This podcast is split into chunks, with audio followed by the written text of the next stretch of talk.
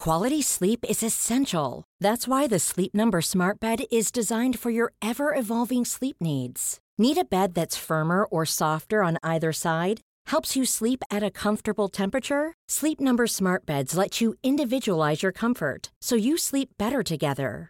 JD Power ranks Sleep Number number 1 in customer satisfaction with mattresses purchased in-store. And now, save 50% on the Sleep Number limited edition Smart Bed for a limited time. For JD Power 2023 award information, visit jdpower.com/awards. Only at a Sleep Number store or sleepnumber.com. Den här veckan så har vi ett betalt samarbete med Synoptik och deras glasögonabonnemang Synoptik All Inclusive. Ja, det är ett tryggt och bekvämt sätt att ha glasögon där man kan kombinera med eh, solglasögon och linser och där all service ingår som fria glasbyten när din syn förändras, otursskydd om du klantar till det. Ja, vet du vad Måns? He- nu är det Helt sant. Eh, Bara i år har jag satt mig på två par glasögon. Då är det här något för dig. Dessutom får du möjlighet att byta ut ett par varje år. Så kan det ju vara lyxigt att ha solglasögon med styrka. Det har jag köpt i år redan ju! Och till och med såna här eh, med dynamiska glas, har du såna då? Nej. Där glaset blir mörka ute i solen och ljusa när man kommer in. Allt inkluderat i en fast månadskostnad från 90 kronor i månaden. Inga oförutsedda kostnader. Dessutom har de ett erbjudande. Du får alltid 30 på alla glasögon och solglasögon när du tecknar ett Synoptik All Inclusive. Läs mer och boka tid på synoptik.se. Fråga Anders och Måns. App, app, app, app, app! Där bryter jag vår sonhet-ur-melodi! direkt! och läser ett brev från Daniel. Hejsan! Här är mitt bidrag till en annan version av er introlåt.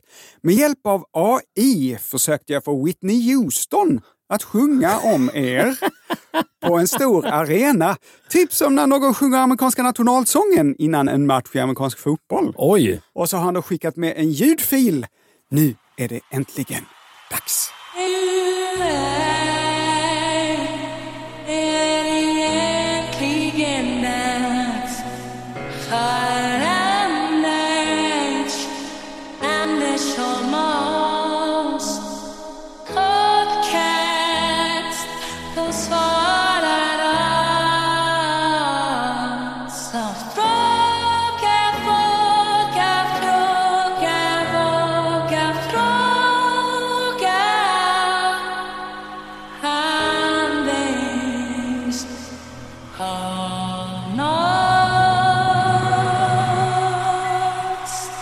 Oj, oj, oj, oj, oj! Framtiden är här! Tusen tack Daniel! Och där var vi igång med den här frågepodden Fråga Anders och Måns. Ja. Anka Johansson, ja, är det bra med dig? absolut. Har jag sett något djur undrar du? Mhm. Mm, jag berättade ju för några avsnitt sedan att jag såg en bäver. Häromveckan det. så såg jag en räv. Just precis där jag det. bor. Idag, den här veckan, alldeles utanför Karlstad, en älg. Har du varit i Karlstad idag? Nej, nej, nej, nej. Alltså, jag berättar idag Ja. att jag sett en älg i Karlstad. Det är ju inte lika fett som en bäver. Nej. Men den är ju fett med en älg ju. Ja, var Skog, det... skogens gyro tycker jag. Djur. Alltså att en älg kan springa över vilken mark som helst, alltså över diken och gropar. Benen blir liksom längre och kortare och kroppen rör sig inte alls liksom i höjdled. ah, ja, ja. Så är det inte. Men Va? det känns så. Ja, ja, ja. Älgen, skogens gyro. Som det brukar heta. Exakt. Måns Nilsson, vad kul att se dig. Det känns som det var jättelänge sedan. Har det hänt dig något? Ja, jag har ju varit i Korea. Och det är ju därför det var länge sedan. Inte i Pyongyang, Ja, som det är ju- de flesta gissar, utan i staden jag inte kan uttala. Nej, Seoul. Seoul, eller Seul, eller Seoul. Vad sa du? Seoul. Soul. Mitt intresse för BTS och hudvård blev så stort att jag var tvungen att åka dit. Vadå BTS och hudvård? Eh, Det här pojkbandet BTS Jaha, och att ta hand om min hy. gör de det i, i- i Seoul? Ja. Jaha. Det var ju en cool enorm stad. Vi åt kimchi och friterad kyckling. Varannan restaurang serverade friterad kyckling. Det var lite överraskande. Är det den friterade kycklingens huvudstad? Det skulle jag gissa. Jag skulle säga att Budapest är den friterade ankans huvudstad. Vi gick runt och glodde på folk. Anders, tror du att jag shoppade något? jag tror att du shoppade olika plagg. Kläder? Ja. För något avsnitt sedan så pratade du om vår gamla tv-klippare Glenn. Mm. När vi jobbade med honom så var vi kanske runt 25 år gamla och vi Mm. hade väldigt, väldigt roligt åt att när han var på semester i Thailand Mm. så var det enda han köpte med sig hem en lödkolv. Ja, ja, just det, det hade jag glömt. Ja, det var ju roligt. Var borta två veckor i Thailand, kom hem med en lödkolv. Ja, kanongrej. Det tyckte vi var sjukt. Ja. På den här resan handlade jag inga kläder. Nähä. Men jag ska läsa upp några av de sakerna som jag köpte. Har du skrivit, har du gjort en shoppinglista och tagit med dig hem? Jag hade inte, f- det var inte så att jag hade en shoppinglista på väg dit. Nej. Jag har bara skrivit upp några av de sakerna Du har jag summerat hann- vad du ja. shoppade? Ja. Ett skruvmejselset med väldigt små bits. En särskild vinklad kniv för att skära bort gummifog. En elsladds skalartång. Krymplastslangar. ja, det är bra grejer. Olika färger. Jag har de Ett- eh, billiga på, på min närköp också. Mm. Aha, Köpte häromveckan faktiskt. Mhm. Bra krympslad ska man alltid ha hemma. just det. Ett set med väldigt små metallfilar. Mhm. Och kanske det konstiga, helt vanliga såna här färgrollers. Både färger Alltså de och här som går åt, inte metallpinnen, men de här runda. som de där går åt. små som man har när man Ja. målar en vägg. Ja, ja, ja, ja. Varför köpte du detta? I... För det var billigt och jag hade plats i väskan. Mhm. Summa summarum, jag tror jag har blivit vuxen. Ja. Anders, vad har hänt dig sen sist? Jo, jag har varit ute en sista runda på min turné och jag vet att du älskar när jag pratar om den, men du ska snart slippa. Det är bara en föreställning kvar. Det är, den är Linköping och den är slutsåld så jag behöver inte rö- göra reklam för den. Men i fredags morse så körde jag och eh, Ville från eh, Säffle till Stockholm. Och det är ju som bekant sen senhöst och nu har bönderna harvat. Och jag trodde inte att jag, någons, alltså att jag någonsin i mitt liv skulle bli djupt imponerad av en stor, stor mängd gegga. Det var, alltså det var helt sjukt. Så satans mycket färsk gegga. Ofta när man är ute och kör bil så är det ju gegga. Men du vet när de har harvat, det var en supergrå dag. Du vet eh, när Sverige påminner om insidan, insidan på en fläskkorv. Det är som att, att leva det är som att vara i mitten av lapskojs. Färglöst. Och så all den här kilometrarna på kilometrarna med nyharvad åker. Alltså brun, brun kvadratkilometer gegga. P4 Värmland pratar om någon marknad i Grums och så bara gegga. Jag var, jag bara, så här, jag var, jag bara älskade det. Jag var- satt bara dit. Satan ville vad mycket gegga. Det är härligt med livet ju. Nu ska vi inte prata gegga, vi ska svara på lyssnarfrågor. Vi börjar väl nu? Ja. Jag är fattig bonddräng men jag lever ändå Dagar går och kommer medan jag knogar på Är det du som ska börja då, Ankan? Det tycker jag. Jag börjar med en fråga från Johan. Hej Anders och Måns. Jag har en minnesbild av att tiden för en snooze på väckarklockor alltid ska vara nio minuter. Nio, är det inte åtta? Är det så? Och varför? Med vänlig hälsning, Johan. Måns, du säger åtta minuter. Ja. Johan säger nio minuter. Nej Johan, nej Måns, så är det inte. 2016 så fyllde snusknappen 60 år. Det firades. Nej, inte, inte jättemycket, men Nej, det jag- genererade ett antal artiklar om snus och dess historia. Om jag hade vetat om det så hade jag varit med och firat Jag eh, också, snusappen. det kan jag Jag är ju säga. en snusare. Ja, jag också. Ja. Man firade till exempel när kungen suttit 50 år på tronen, det firade man lite mer. Jaha, en snusknappen 60 år som uppfinning. Man firade Linnéåret lite mer. Man firade snusknappen ungefär lika mycket i media som man firade kändisen Måns Nilssons 45-årsdag i media. det var en liten artikel. Ja, precis. Det var några som uppmärksammade det. ungefär lika mycket. Jag ska vara helt ärlig. Ja. Jag är ganska förtjust i mig själv, Ja. men jag tycker att snusknappen förvä- förtjänar mer spaltmeter eh, text och uppmärksamma och hyllningar. Ja, men det var jämnt skägg mellan er två. Den 8 juni 1956 föddes snusknappen. Detta i form av väckarklockan Telecrone 7H241. Var det Edward Snus som Nej, upptäckte- nej, nej, Mm, uppfann? nej, det var inte. Det var Edisons företag General Electric som uppfann den. Mm. Med ett knapptryck då flyttade man fram ringsignalen 10 minuter. 10 minuter i originalet. Enorm succé. Man kallade modellen för den första, håll i det, mänskliga väckarklockan. Mm, det är väl att ta i, va? Ja, det var det. Att man kan trycka på en knapp och så ringer det om tio minuter. Människor kan mer.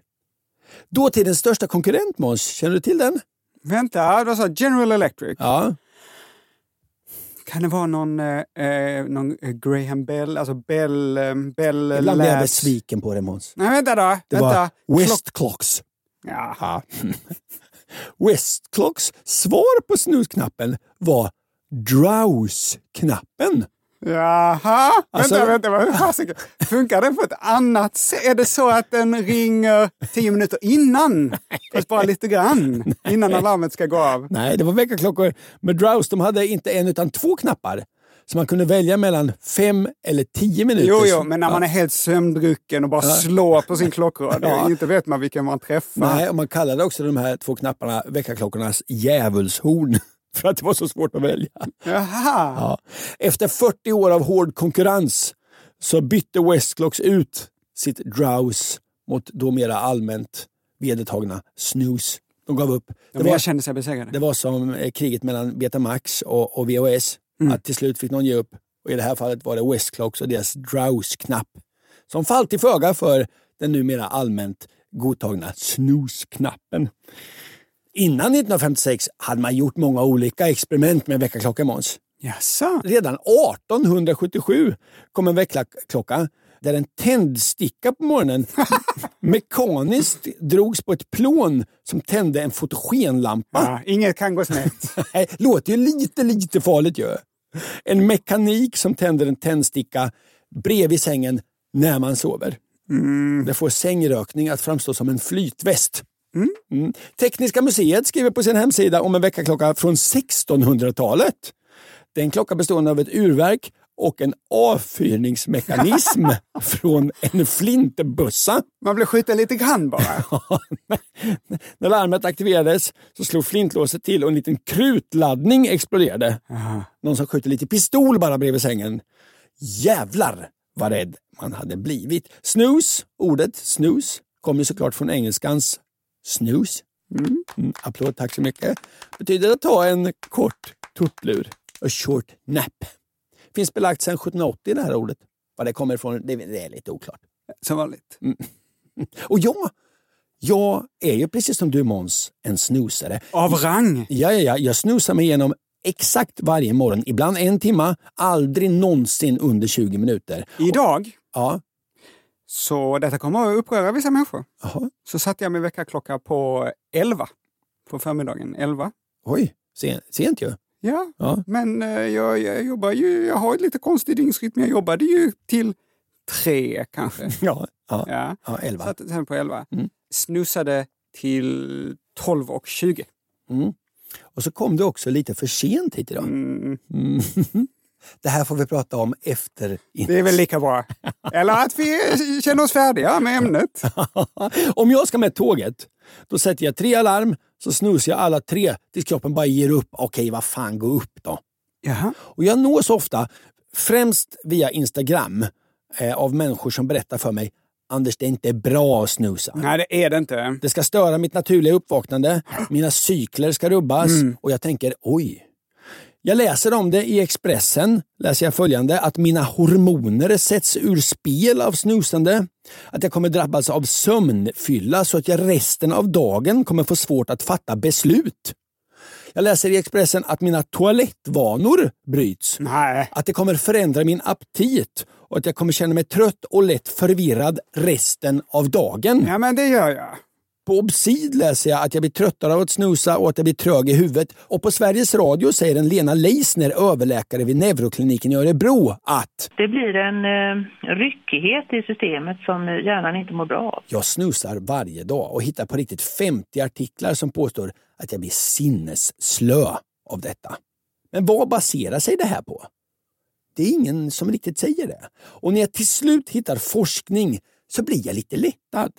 Tina Sundelin är sömnforskare och har forskat på snus. Och alldeles nyligen kunde man läsa om eh, de här resultaten. Tina, är det farligt att snusa?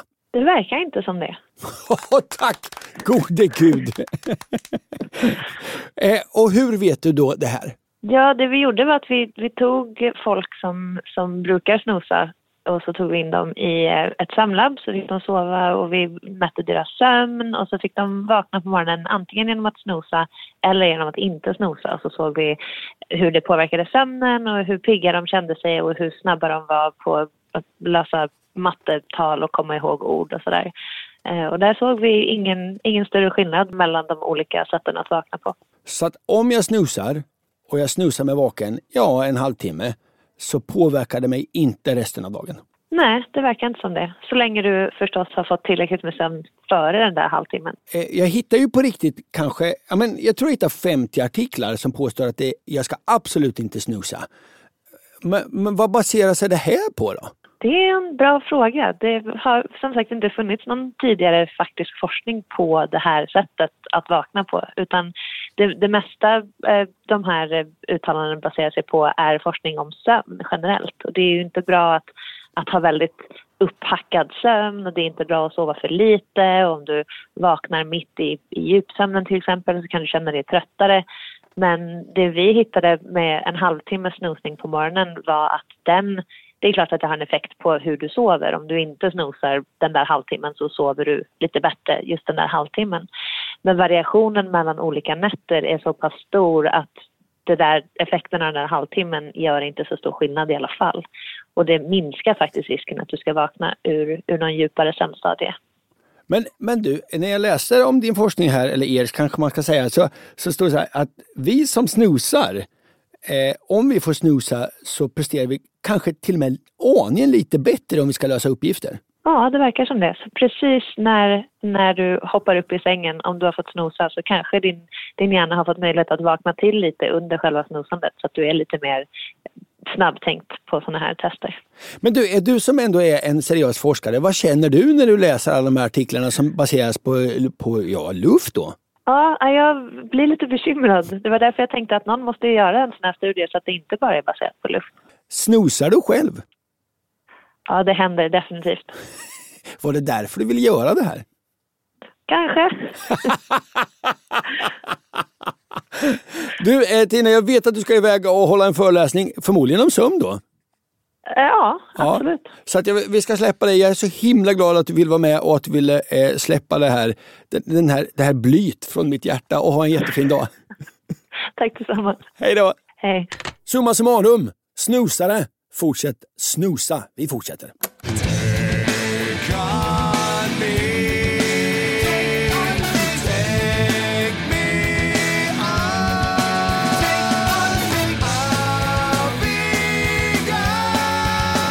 Vi kastar oss över nästa fråga. Ja, så vad trevligt. Och Och läs Mm. den kommer från, får jag gissa, från Martin. Erik. Nästan. Hej Det Lade. är ju lite samma namn. Mm. Alltså samma, de spelar i samma sport så att säga. Så här skriver Erik. Hej Lade. Kjetil till exempel. Hade ju inte det är hade ju ju inte- helt annan liga. Precis, ja. Erik skriver, hej Lage och Claes. ja. Satt nyligen... Referens till den gamla julkalendern, för er som inte hängde med på det. Just det. Jag Satt, var, ny... ju, jag var ju Lage, du var ju Claes. Just det. Ja. Satt Du var lite nyligen... anal, ordningsam, försökte då styra över mig. Och jag var lite rörig i huvudet och, och så. Mm, inget, hade inget med verkligheten att göra. Jo, jo. Jag hade permanentat hår då. Det var roligt. Satt nyligen med några kompisar och en nyhetsflash från prins Christians 18-årsdag dök upp. Där fanns en bild på de hyfsat jämnåriga tronarvingarna Christian, Estelle och Ingrid. Det vill säga de i generation Z som en gång ska ta över kronan i Danmark, Sverige och Norge. Då slog det oss. Vad skulle hända om två av dessa valde att gifta sig med varandra? Så som kungligheter ofta gjorde förr. Får de ens göra detta? Och om de får, vad händer när de får barn? Kan då Sverige få samma statschef som Danmark eller Norge? Alltså ett återupprättande av Kalmarunionen? Ja, ni fattar. Allt gott, Erik. Fattar du, Anders? Absolut. Om, om någon av eh, tronarvingarna gifter sig med varandra får vi då ett, ett, ja inte ett nytt land, men en ny form av i alla fall kunglig union. Ja, de kan ju fortfarande sköta sitt jobb. eh, De får väl vara särbos då, då, kanske bo på varsitt slott och sköta sina respektive jobb. Ja, eller kulbuss. Vad är det för något? Nej, det kan de ju inte vara, för då har de ju inte gift sig. Det var ju det eh, eh, han var, eh, vad hette han nu då? Juholt. Han var ju då kulbo med sin sambo. Kulbo och detta betyder? Att de eh, bodde ihop lite. Han, vill, ti- han, ville, han kallade det för kulbo. Jag minns inte. Det var ett eh, ord han uppfann. Ja, okej! Hade vi välja mellan särbo? Nej, vi är ju tillsammans. Sambo? Nej, vi bor ju inte ihop. Så jag valde, eller vi tillsammans kom fram till att vi är nog kulbo. Därför när vi är tillsammans, då har vi kul. Ja, nej men det som verkligen är intressant då är när de får barn. Och den förstfödde där då är tronarvingen till båda tronarna. Och blir det då eh, en och samma person som blir regent i båda länderna? Ja, det är superspännande. Ja! Om man med spännande meter, ganska spännande. Det finns ju inget ämne. Det finns ju inget ämne som, som jag varken är sämre på eller är mindre intresserad av än kungligheter. Jag kan Just- inte ett skit. Nej, nej, nej. Nej. nej. Får prinsessan Estelle, som ju är tronarvinge i Sverige efter Victoria, gifta sig med prins Christian av Danmark? Eller till och med med prinsessan Ingen Alexandra av Norge? Vi stannar upp där en sekund. Hur är det med samkönade äktenskap inom kungafamiljen? Lagarna som styr vad en tronarvinge får och inte får göra, de är ju supergamla. Får Estelle gifta sig med någon av samma kön? Ja, det hoppas jag. Det är inte ofta vi hämtar vår information från Svensk Damtidning. Nej. Men nu ska det ske. Ja, äntligen. Plötsligt händer det. Så här skriver de om saken. Nederländerna var år 2001 först i världen med att legalisera samkönade äktenskap. Men huruvida den möjligheten även har funnits för landets kungligheter har inte varit klart. I ett brev till parlamentet slår premiärminister Rutte nu fast att så är fallet. Det är fritt fram för landets kronprinsessa att gifta sig med en kvinna om hon vill. Och så har Svensk Damtidning då pratat med sin go-to-historiker och hovexpert Herman Lindqvist. Jaha. Han säger Enligt lagen ska regeringen godkänna tronarvingars giftermål. Och det finns inget skäl att tro att regeringen skulle gå emot. Även om monarkin i sig är ett konservativt statsskick är det högst osannolikt att kungahuset och kungafamiljen skulle motsätta sig ett samkönat äktenskap. Inte idag och absolut inte imorgon. Det är Herman Lindqvists eh, ord. Det är hans gissningar. Och det här var ju en liten utvikning. Frågan var ju, får Estelle gifta sig med en annan tronarvinge? Och kan i så fall deras plan bli regent i två länder? För att svara på detta så behöver jag en expert på successionsordningen. Som är Sveriges äldsta nu gällande grundlag. Jag skrev till kungahuset Jaha. som skickade mig vidare till justitiedepartementet och grundlagsenheten. Oj. Tror du att jag fick svar från dem, Anders? Nej, det tror jag inte. Jo! Jo! Redan dagen efter fick jag ett fantastiskt jättelångt mejl från Mattias Sävsten på grundlagsenheten. Detta är ju kanon ju. Först Vet berättar du, det är han, nästan så, så jag får lite så armhålen på armen reser. Alltså jag får lite sådär... eh, ibland så säger folk, vad får jag för mina skattekronor? Ja. Jo, du får ett jättelångt brev från eh, Mattias Säfsten på grundlagsenheten. Först berättar han om några krav som finns i successionsordningen. Han skriver av paragraf 2 framgår att regenten förlorar rätten till tronen om han eller hon inte bekänner sig till den rena evangelistiska läran. Jaha. För att bli regent i Sverige måste man alltså vara kristen. Och dessutom protestant. Ja. Och inte katolik eller ortodox eller anglikan. Regeringsformen, en annan av Sveriges fyra grundlagar, säger också att en svensk statschef måste vara svensk. Alltså svensk medborgare. Mattias fortsätter. Vidare framgår av regeringsformen att om kungen eller en drottning som är statschef under en sammanhängande tid av sex månader inte har fullgjort sina uppgifter ska regeringen anmäla detta till riksdagen. Riksdagen beslutar då om statschefen ska anses ha avgått. I sådant fall träder den som står näst på tur i successionsordningen in i ä, ämbetet som Sveriges statschef. Så vår kung kan alltså få sparken. Ja, ja, ja, om man inte är kung på sex månader, på ett halvår. Ja. Nej, jag tar, jag så här, kungen kan inte ta s- eh, ett halvår och tre dagar i tjänstledigt. Nej, nej, nej, nej, nej. Nej, då, då åker han. Då han kan få sparken av riksdagen, men det ska nog mycket till. Han måste slarva en del. Ja, det räcker antagligen inte med att för, försova sig, att han snosar tre gånger och kommer för sent och klippa ett band i Kalmar. Nej. Nej, eller glömmer stämpla ut tre gånger i rad eller får dåliga recensioner i en app. På s- Trustpilot. Eller kallar Arbogabor för örebroare. Nej. Regeringen hade nog tagit ett rejält snack med kungen Ja. och gett honom en andra chans. Hörde du, du har låga värden på Trustpilot. Nu får du Exakt. shapea upp dina leveranstider. Detta var ännu en utvikning. Ja, ja. Käre örebroare. Förlåt, Arboga. Vem får prinsar och prinsessor gifta sig med då? Ja, Jo, vem som helst. ja kanon ju. Mattias skriver, det finns numera inte några restriktioner när det gäller prinsar och prinsessors val av make eller maka. Det förbud mot giftermål med icke-furstliga personer som fanns i äldre tid gäller alltså inte längre. Nej, men det är klart att de får gifta sig med vem de vill. Nej, klart och klart! Jaha, Anders, ja. kommer du inte ihåg senast när en prins blev av med sin titel för att han gifte sig med en icke-furstlig person? Prins Bertil. Nej, Nej, vem var det då? eh, prins Sigvard... Eh, prins Bernadotte. Sig- Bernadotte heter ju alla ju. Ja, ja, ja. ja nej, kungen heter ju inte... Kungen har inget efternamn. Du har rätt. Ja. Det var år 1934 Silvia har inte heller något efternamn då. när Sigvard... Men Kungen har ju inget efternamn, det vet vi ju. Nej, Nej. Sigvard Bernadotte.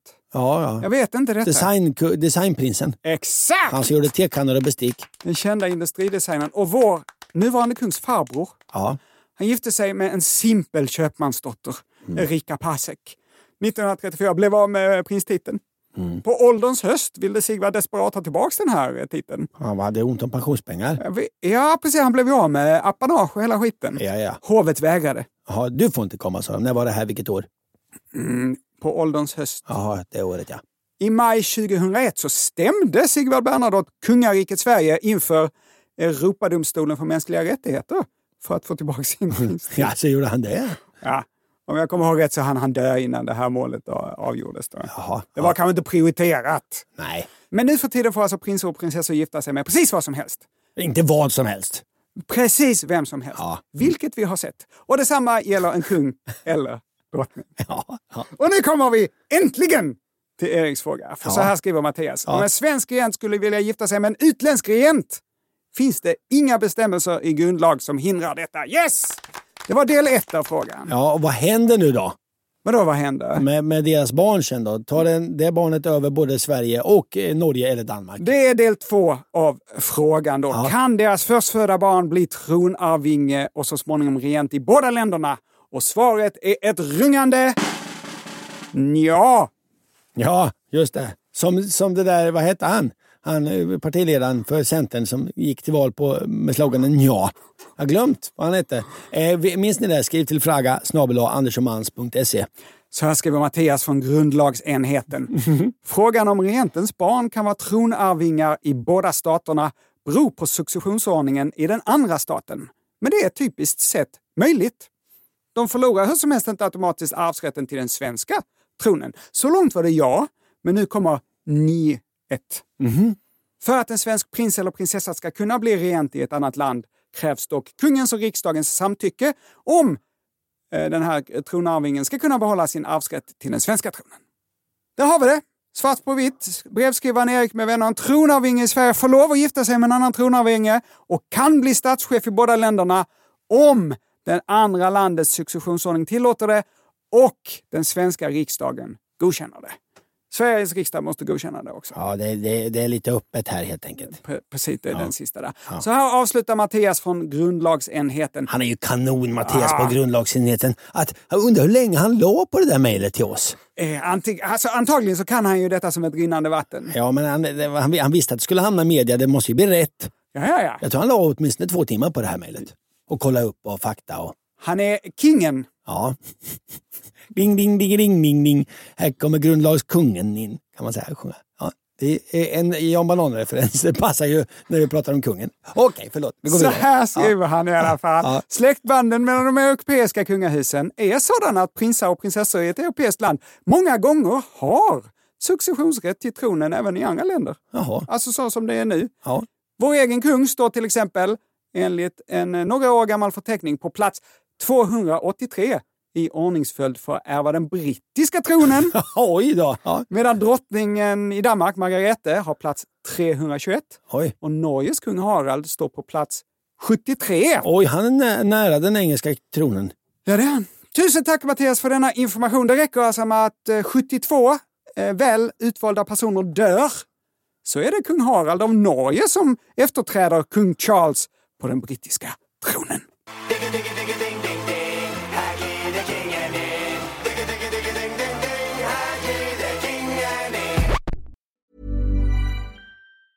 Quality sleep is essential. That's why the Sleep Number Smart Bed is designed for your ever evolving sleep needs. Need a bed that's firmer or softer on either side? helps you sleep at a comfortable temperature? Sleep Number smart beds let you individualize your comfort so you sleep better together. JD Power ranks Sleep Number number 1 in customer satisfaction with mattresses purchased in-store. And now, save 50% on the Sleep Number limited edition smart bed for a limited time. For JD Power 2023 award information, visit jdpower.com/awards. Only at a Sleep Number store or sleepnumber.com. I'm Sandra, and I'm just the professional your small business was looking for. But you didn't hire me because you didn't use LinkedIn jobs. LinkedIn has professionals you can't find anywhere else, including those who aren't actively looking for a new job but might be open to the perfect role, like me. In a given month, over 70% of LinkedIn users don't visit other leading job sites. So if you're not looking on LinkedIn, you'll miss out on great candidates like Sandra. Start hiring professionals like a professional. Post your free job on linkedin.com slash people today. One size fits all seems like a good idea for clothes until you try them on. Same goes for healthcare. That's why United Healthcare offers flexible, budget friendly coverage for medical, vision, dental, and more. Learn more at uh1.com. Vi är tillbaka. Ja, När jag skulle åka till Sydkorea så bunkrade vi upp och spelade in några program i förväg. det var ingen som märkte, så det var dumt att du sa. Men därför har vi nu hela tre veckors återkoppling att ta tag i. Oj då. Och det var kanske inte supersmart av mig att be om namn på månen för tre veckor sedan. När jag nu inte kan ta tag i det förrän nu. Nej. Men det var så det gick till. Pling, pling, Pling, pling. Åter, åter, återkoppling. åter, pling, pling. Så vi ska alltså få nya förslag på eh, månen, vad den ska heta. Ja, bakgrunden är att det finns eh, många månar runt många planeter och då är det kanske lite fantasilöst att vår måne fått namnet månen. Mm. Det är som att eh, eh, jag skulle heta människa. Ja, eller att Johansson. Zlatans självbiografi skulle heta Boken. Ja, Många andra månar har fått coola namn som Ganymedes eller Callisto. Så här skriver Anton, hej! Månen är som vi alla vet gjord av ost. Och vad är då inte ett mer passande namn än Caseus? Det vill säga ordet ost på latin. ja. Detta namn föreslår också Lindas tioåriga son. Så här skriver Jonas, hej! Om månen ska ha ett nytt namn så vill jag slå ett slag för Stellanoctis. Vilket är latin för nattens stjärna. Oj. Ja, vad vackert. Ja, Stellan Oktis. Ja. Vad fint! ja, leder hittills. Christian föreslår namnet Plattplutten. Mm, det är inte lika vackert ju, just, men det har ju andra kvaliteter. Helt klart Mm. Plattplutten. Caroline har ett väldigt fint förslag. Hon skriver Måns. Måns. Mm. Ina, hej Anders Måns, föreslår att månen får heta Womba Womba. Ja. Mm. Och så här skriver en familj på Grengatan i Linköping. Oj, oj, granne med Långgatan där jag växte upp. Det är parallellgator. Likadana hus. Vi satt hela familjen och skrattade glatt åt ert senaste avsnitt, eh, vilket då inte är vårt senaste avsnitt. Nej, nej, nej. Där ni bland annat pratade om Glenn och varför månen inte har ett eget namn. nej. Och nu har För, vi pratat om Glenn och månar igen. De måste vara väldigt glada på Grengatan. för oss är det tveklöst att månen från och med denna dag kommer att heta Glenn. Och vi ser med spänning fram emot att nästa full Glenn ska lysa upp höstnatten. Ja, tusen tack för era förslag! Och jag tror vi bestämmer här och nu, annars är det inget att att dra i långbänk. Nej. Nej, men bestämmer det så är det gjort. Från och med nu heter vår måne Plattplutten. Nej, Glenn. Tack och grattis Christian! Ja, hej då. Min återkoppling är det senaste avsnittet nämnde ni myten ä, om att man i, i genomsnitt sväljer åtta spindlar om året medan man sover och att ingen vet hur den här myten har uppstått. Jag vill tipsa om den här videon av Youtube-kanalen Lemino som verkligen går till botten med det här mysteriet. Ha trevlig november, Olle. Och Jag har tittat på den här filmen, det är en 10 minuter lång film och det är en väldig röra. Men det säger ganska mycket om fakta och sanning i vår tid. Så jag vill tipsa om det. Sök på 8 Spiders och Lemino så får ni 10 väldigt sevärda minuter om hur myter kan uppstå. Men berätta, vad- hur, hur Mm. det, är det är med för, saken? det är för rörigt. det är för rörigt. det är bara lite tips. Sväljer jag en enda spindel? Nej, nej, Om nej, per år. nej, nej, nej. Nej, okej. Så du sväljer inte ett skit. Mer återkoppling. Du pratade Måns om huruvida det finns bra diktatorer i historien. Mm. Diktatorer. diktator, diktatorer säger man ja, just det. Du nämnde Kemal Atatürk. Mm. Och vi var väl lite tveksamma. Ja, han var, det var säkert korrekt att han var bra för turkarna, men han låg också bakom folkmord på, folkmord på både kurder och armenier. Ja, det är negativt. Ah. Ja, han fördrev över en miljon armenier och till och med eh, Erdogan har bett kurderna om ursäkt. Så att nej, han var absolut ingen bra. Nej, nej, nej, och vi la in en brasklapp. Ja, måste det, jag- det, det ska vi säga. Det att vi vill gör. jag ja, säga. du sa bara att han är ibland nämns. Ja. Absolut. Simpen däremot skriver fyra synnerligen bra diktatorer. Yngve Gamlin, Moltas Eriksson, Evert Ljusberg och Eva Röse. Samtliga då presidenter över de förbren- förenade republikerna Jämtland, Just det. Härjedalen och Ravund. Republiken Jämtland alltså. Ja, jag kommer ihåg det här tv-programmet, har du hört den förut? Evert Ljusberg var med mycket där. Då var han ju president. Ja, nu är det ju Eva Röse. Ah, ja. Ja. Moltas Eriksson eh, före, y- före, före Evert och Yngve Gamlin, svensk mästare i, i låtsasspråk. Kanondiktatorer alla tre. Eva Röse är jättesnäll också, så det är, det är bra. Då har vi svaret på den frågan. Nu ska vi väl ta tag i en ny fråga Måns, va? I wanna be forever young. Do you really want to live forever? Forever and ever. Det går undan nu Måns, nu ska vi gå vidare med vårt forum för de lite kortare svaren, nämligen Fråga 1. Hej Andy och Mandy. Varför säger man “Jag var på kanelen” när man har druckit lite för mycket alkohol? Till exempel, det här är ett bra exempel, “Ursäkta, jag var lite på kanelen”. Varifrån kommer detta underliga uttryck? Användes det av människor som tagit för mycket kanel och blev berusade? Med vänlig hälsning Mimi. Jag var på snusen.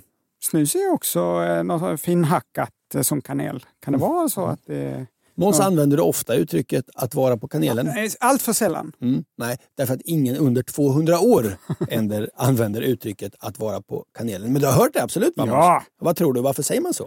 Är det för att kanel förr innehöll massa alkohol? Nej. är det för att en känd kung en gång sa fel? När han skulle säga “jag är full” råkade han säga “jag är kanel”. Nej. Nej, det tror du inte heller. Är det för att full på franska heter kanel? Ja. Nej. Institutet för språk och folkminnen, favoritinstitutet, berättar antagligen hänger det ihop med att man förr kunde dricka brännvin kryddat med kanel. Och jag ska säga dig att i Sydkorea, när man beställde en eh, cappuccino, då fick man alltid kanel på skummet. Förmodligen alltså säger man att vara på kanelen för att man kryddade brännvin förr med kanel. Det kan också vara, skriver Institutet för språk och folkminnen, ett bara tillfälligt valt ord. Nej. Jo, för att få lite variation till på fyllan. finns ju många man säger på sniskan, på örat, på kotan, på lyset, på dojan. Man säger man är salongs, man är rak på arslet, i gardinerna, man har tagit sig en tratt, man har friserat buxbommen, man är rund under relingen, man är på tåget, på sillen, man rider apan, man rullar hatt, rullar Man råg. rider apan. Dirigerar, polis, Superbra. dirigerar polisen. Dirigerar polisen. Och hör av sig till Skatteverket. Det är polisen är ju super... Man är så full att det är man själv som står mitt i gatan och dirigerar polisen. Fråga två. Hej Anko och Moppe. Vi är ett par som är alldeles för gamla för att ställa en sån här fråga. Men ibland måste man. Vi är inne på hund nummer två och ställde oss häromdagen frågan Kan hundar få huvudvärk?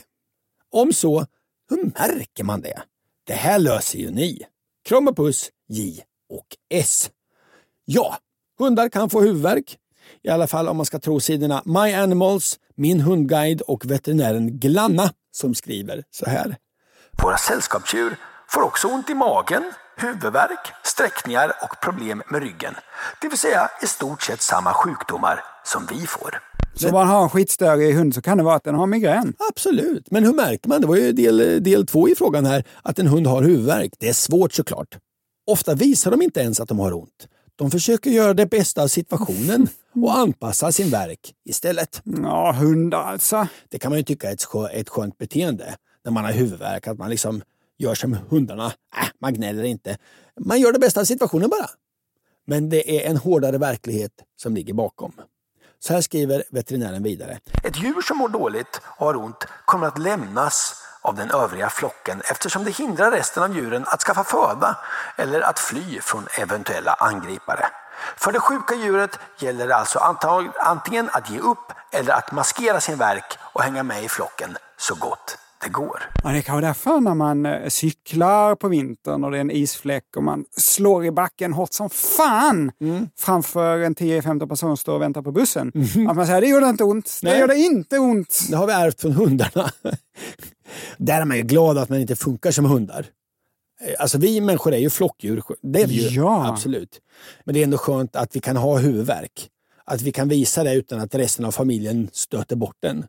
Att eh, det inte är så att när man kommer till personalmatsalen och råkar visa att man har huvudvärk, att då kollegorna byter bord. Att man blir eh, utan lön och eh, stöts ut från företaget för att man inte bidrar till vinst. Så- Så kan det nog vara alltså med folk som blir sjuka tyvärr. Ja, ja, ja, men inte för huvudvärk. Hur märker man då på en hund att den har huvudvärk? Det finns vissa tecken. En annan veterinär skriver så här på sin hemsida. Verk kan visa sig som allmän irritation mot andra hundar eller som ovilja mot att lyda när du ber hunden att sitta eller ligga. Fråga tre. Hej Andy och Monkey. Jag fick hem ett par nya stövlar på posten idag. Det är intressant hur frågorna började Måns. Jag undrar vad ska komma? Personen har fått ett par stövlar. Vad tror du ska komma? Vänta. kan det vara någonting med Wellington, varför det heter Wellington Boots? Nej. Nej. Och eh, jag såg att företaget var kunglig hovleverantör. Ah! Ja, jag har för mig att det innebär typ att hovet, eh, alltså kungafamiljen då, använder just det märket. Eh, och när det kommer till en viss produkt och, och då upphör, eller, sen upptar min kunskap, skriver brevskrivaren. Mm. Jag vet lite om detta. Ja, berätta för mig då. Det är inte alls så att kungen eh, måste använda just de stövlarna. Det finns ingen laglig, något lag som förbinder, tvingar. Nej. Nej, utan det är bara att... Eh, alltså en gammal tradition med kunglig hovleverantör det är ju att företaget utvärderas på olika sätt. Man kan ansöka, utvärderas på olika sätt och sen så kan man bli det eller så får man avslag. Ekonomi och grejer. Här kommer vårt felljud. Vad Jaså. fel Måns. Hur väljer kungen vem som ska bli kunglig hovleverantör? Har det någonsin hänt att kungen bytt leverantör? Det här är brevet som fortsätter. Och vilka är de mest udda produkterna som fått stämpeln? Ja, frågorna är många. Vänligen red ut detta, Martin och Sina. Tops. Finns det en kunglig hovleverantör av Tops? Nej. Det kan jag säga med säkerhet. Jag har kollat igenom eh, samtliga idag. Mm. Eh, eh, jag fikade på ett eh, café i Säffle. Väldigt goda bakelser. Det stod det att eh, det var en kunglig hovleverantör i det här caféet. Jag tänkte att det här fiket kan väl inte, eh, trots sina väldigt, väldigt goda kakor, lämna kakor till hovet. Jag kollade upp. Jo, mycket riktigt. 1958 antogs Holgers konditori till hovleverantör av Gustav den sjätte Adolf. Så man blir aldrig av med det. Va? Skulle de nu, liksom 60, 70, 70 år senare, fortfarande göra de godaste jo, de kockarna? blev av med det. Jaha! Därför när Gustav VI Adolf dör, då slutar de vara kunglig hovleverantör. Okej, Mm. så då hade de bara råkat att inte ta bort det från sin marknadsföring i Absolut, Säffle. absolut. då- Det räcker inte med att jag levererar någonting till någon i kungafamiljen. Om jag Nej, säger nej. ett par strumpor till någon fjassig Daniel eller så. jag, ser, jag ser prins Daniel på stan, Ja. kastar ett par tubsockor, Ja. han fångar och säger Ja. nu är jag kunglig hovrätt. Ja, det räcker inte. Nej. Idag beviljas eh, kungligt hovleverantörskap endast av Hans Majestät Konungen. Under sin livstid hade även prins Bertil egna hovleverantörsrättigheter. Jaha. Liksom prinsessan Sibylla. Och innan de många andra kungligheter. Nu är det bara kungen. Det är bara han. Man måste alltså leverera till hovet. Och då, som sagt, det räcker inte med att skicka in lite grejer. Hovet måste själv beställa och betala för grejerna. Man måste leverera grejer i minst fem år. Man måste ha skött sin ekonomi klanderfritt. Man måste ansöka och man måste ha ett strukturerat miljöarbete. Det, måste, vara- det är nog nytt. Ja, man kan inte bara göra jättefint papper och sälja till hovet och sen hälla ut resterna i någon fin sjö. Då får man inte bli hovleverantör. Nej, nej, okej. Det var första delen av svaret. Andra delen, byter kungen hovleverantör om kungen inte gillar en viss choklad längre? Flera företag inom samma bransch kan utnämnas till hovleverantör. Därför finns det till exempel flera leverantörer av kaffe och konfektyr. Kungen och kaffe, där kan man göra skämt. Men det gör vi inte. Ah, Ja, vi, där stannar vi. Mhm. Mm. Sen var det vem som var mest udda. Vilken leverantör är mest udda? udda, Ja. det är begreppet udda. Ja, alltså, ja. Något som är udda för mig, Ja. kanske inte udda för dig Anders. Nej, nej, jag köper inte en roller när jag åker hem från Korea. Nej, för mig är det normalt för dig, du. Ja, ja, ja. Jag har gått igenom de just nu cirka 130 hovleverantörerna. Här är tre som jag själv då uppfattar som lite udda. Kallerts Matt-tvätt AB. De är hovleverantör. Panne Textil i i Backaryd i Blekinge som tillverkar strumpor. De kungliga strumporna? Jajamän, och eh, Poseidon dykutrustning. Ah. Om du vill kolla hela listan, eh, brevskrivaren, så finns den på hovlev.se. E. Det var tre snabba. Pling. Pling. Åter, åter. Det är mycket återkoppling idag. Här kommer ytterligare lite. Måns? Ulrik har skrivit till oss. I avsnitt 94 efterfrågade ni en ekorrexpert som kunde svara på om svenska ekorrar ärver mat och lösöre. Jag har ingen aning. Nej. Däremot kan jag berätta att ekorrexpert är ett anagram på kexreporter. Det kanske kan vara bra att ha med sig. Hälsningar Ulrik. Underbar, underbar återkoppling. Här kommer mer återkoppling. Hej! Jag älskar er podd. Men metaltrummisen i mig kan omöjligen acceptera att Anders i senaste avsnittet listade kända Anders Johansson utan att inkludera Anders Johansson, alltså trumlegenden Anders Johansson som lirade med Yngwie Malmsteen på 80-talet och senare bland annat i Hammerfall. Just det, Jan Johanssons ena son. Ja, just det. Uppdatering av listan och upprättelse till Anders Johansson vore önskvärt. Absolut. Jag vill också rätta lite i listan. Han Anders Johansson som vann någon kändistävling. Jaha. Eh, typ eh, någon sån här, var med i tv och blev popartist-tävling, Anders Johansson. Han bytte sen namn från eh, Anders Johansson till Anders Fernet. Fernet. Ja, och sen så... Fernet. En- Ja, ja, Fernet. Fernet. Ja, sen eh, skilde han sig och bytte då igen till Anders Ritmo. och det, det vill man ju applådera. Tack så mycket Ja. för den applåden. Därför att eh, ta sig namnet efter en fiaskmodell av bilmärket Fiat, alltså Fiat Ritmo, det ska ju, det ska ju få lite beröm. Så att eh, upprättelse till Anders Johansson, metaltrummisen och lite rättelse Anders Johansson från Kändis-TV eh, heter numera Anders Ritmo. Ja, vad bra att vi klargjorde allt Ja, detta. ja. Vi eh, tar väl någon till fråga, va? det hinner vi med. Ja, vi- lite musik först.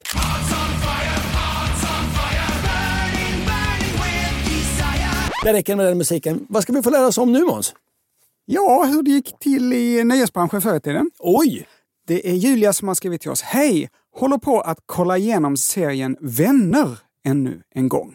Och nu kollade jag på avsnitt 7 av säsong 2. The one where Ross finds out, heter det.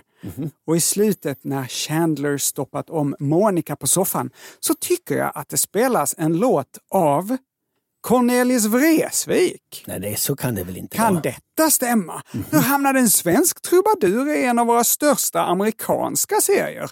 Med vänlig hälsning, en som heter Julia. Tack för frågan Julia. Mm. Jag tittade på scenen och mycket riktigt, sången som spelas går så här. Da-da-da-da, da-da-da-dum, da-da-da-da, da-da-da-da. Ja, ja, brevet- Känner du igen den Ja, Ankan? brevet från kolonin. Hejsan morsan, hejsan stabben. Här är brev från älsklingsgrabben. Vi har kul på kolonien. Vi bor 28 gangstergrabbar igen. Men hur hamnade den, Den där här melodin, jag sången? vill också eh, nämna eh, den melodin, eh, den är, f- eh, i- är ju med i dokumentären eh, Snickeriet. Ja. som handlar om ett gäng människor eh, eh, med begåvningsvariationer som jobbar på ett snickeri i Norrköping, en av tidernas absolut bästa dokumentärer. Där är det ju en underbar scen, när de ska ha lite julfest och det kommer en trubadur och spelar och en, eh, en tant, eh, en, en, en man, eh, det är han som också säger det här roliga eh, ja, när han är så arg på att han inte sjunger riktigt rätt för han kan ju texten helt utan till. Ja. Och han säger ha ha ha, sjungen som man är då, sjungen som man är då. Det, det, kan, det är ju underbart. Ja, det är en fin dokumentär. den, Ja, det är det. Alltså. Underbart. Halvdag. Och det är inte så konstigt att den låten var med i den dokumentären. Nej. För då kom ju en trubadur och spelade låtar och då spelar man ofta den låten. Men hur hamnade den här sången, skriven av Cornelis Vreeswijk, i Friends? Svaret är att den inte är skriven av Cornelis Vreeswijk. Nej. Och så var det ju väldigt ofta för att kända artister stal melodier de hörde någonstans rakt av. Jag vill inte nämna några namn, till exempel Evert Taube. Och så hävdade de då att de hade skrivit dem själva. Och eftersom vi inte orkade googla så trodde vi på dem. Mm. Nu ska ju sägas det här, ja, ni förstår men det här med googla, att det var lite dumt sagt av oss. Det kan men- göra ont sen när sanningen kryper fram. Våra hjältar Magnus och Brasse, Mm. de flesta av deras sketcher var direktöversättningar från engelska. Ja, jag vill inte veta det. Och detsamma gäller brev från kolonin, som på engelska heter Hello Mother, Hello Father och är skriven av Alan Sherman. Och Julia, det är alltså hans version som hörts i Friends. Hello, Mother. Hello, Father. Here I am at Camp Granada. Camp is very entertaining. And they say we'll have some fun if it stops raining. Ja, till och med samma tema på texten. Ja, de är på läger. Ja, att de skriver hem till mor och far. Ja, ja, ja. Det kan man ju ana av titeln Hello Mother, Hello Father.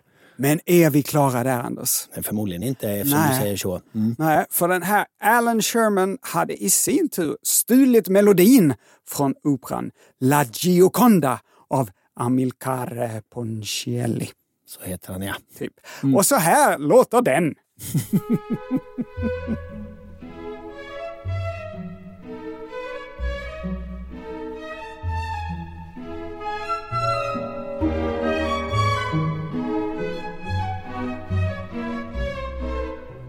Va? Nästan identiskt. Ja, inte riktigt identiskt. Nej, just det. Jag sa ju nästan. Ja, då sa vi ju samma Det- sak. där är Det var ju dumt att jag sa det en gång till då. Ja. Och med de orden. Så säger vi tack för den här veckan. Vi är tillbaka igen redan nästa vecka, för då är det... Varannan vecka. Nej, nästa vecka. och då hörs vi ju, som vi alltid gör. Skriv fler frågor till fraga snabel-a, andersochmans.se. Tills dess, puss och kram. Hej då!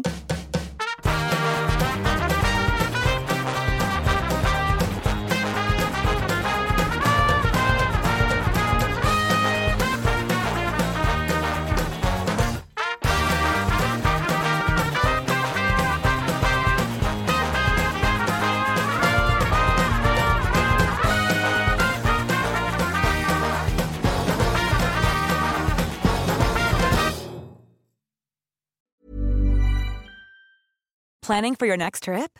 Elevate your travel style with Quince. Quince has all the jet setting essentials you'll want for your next getaway, like European linen, premium luggage options, buttery soft Italian leather bags, and so much more.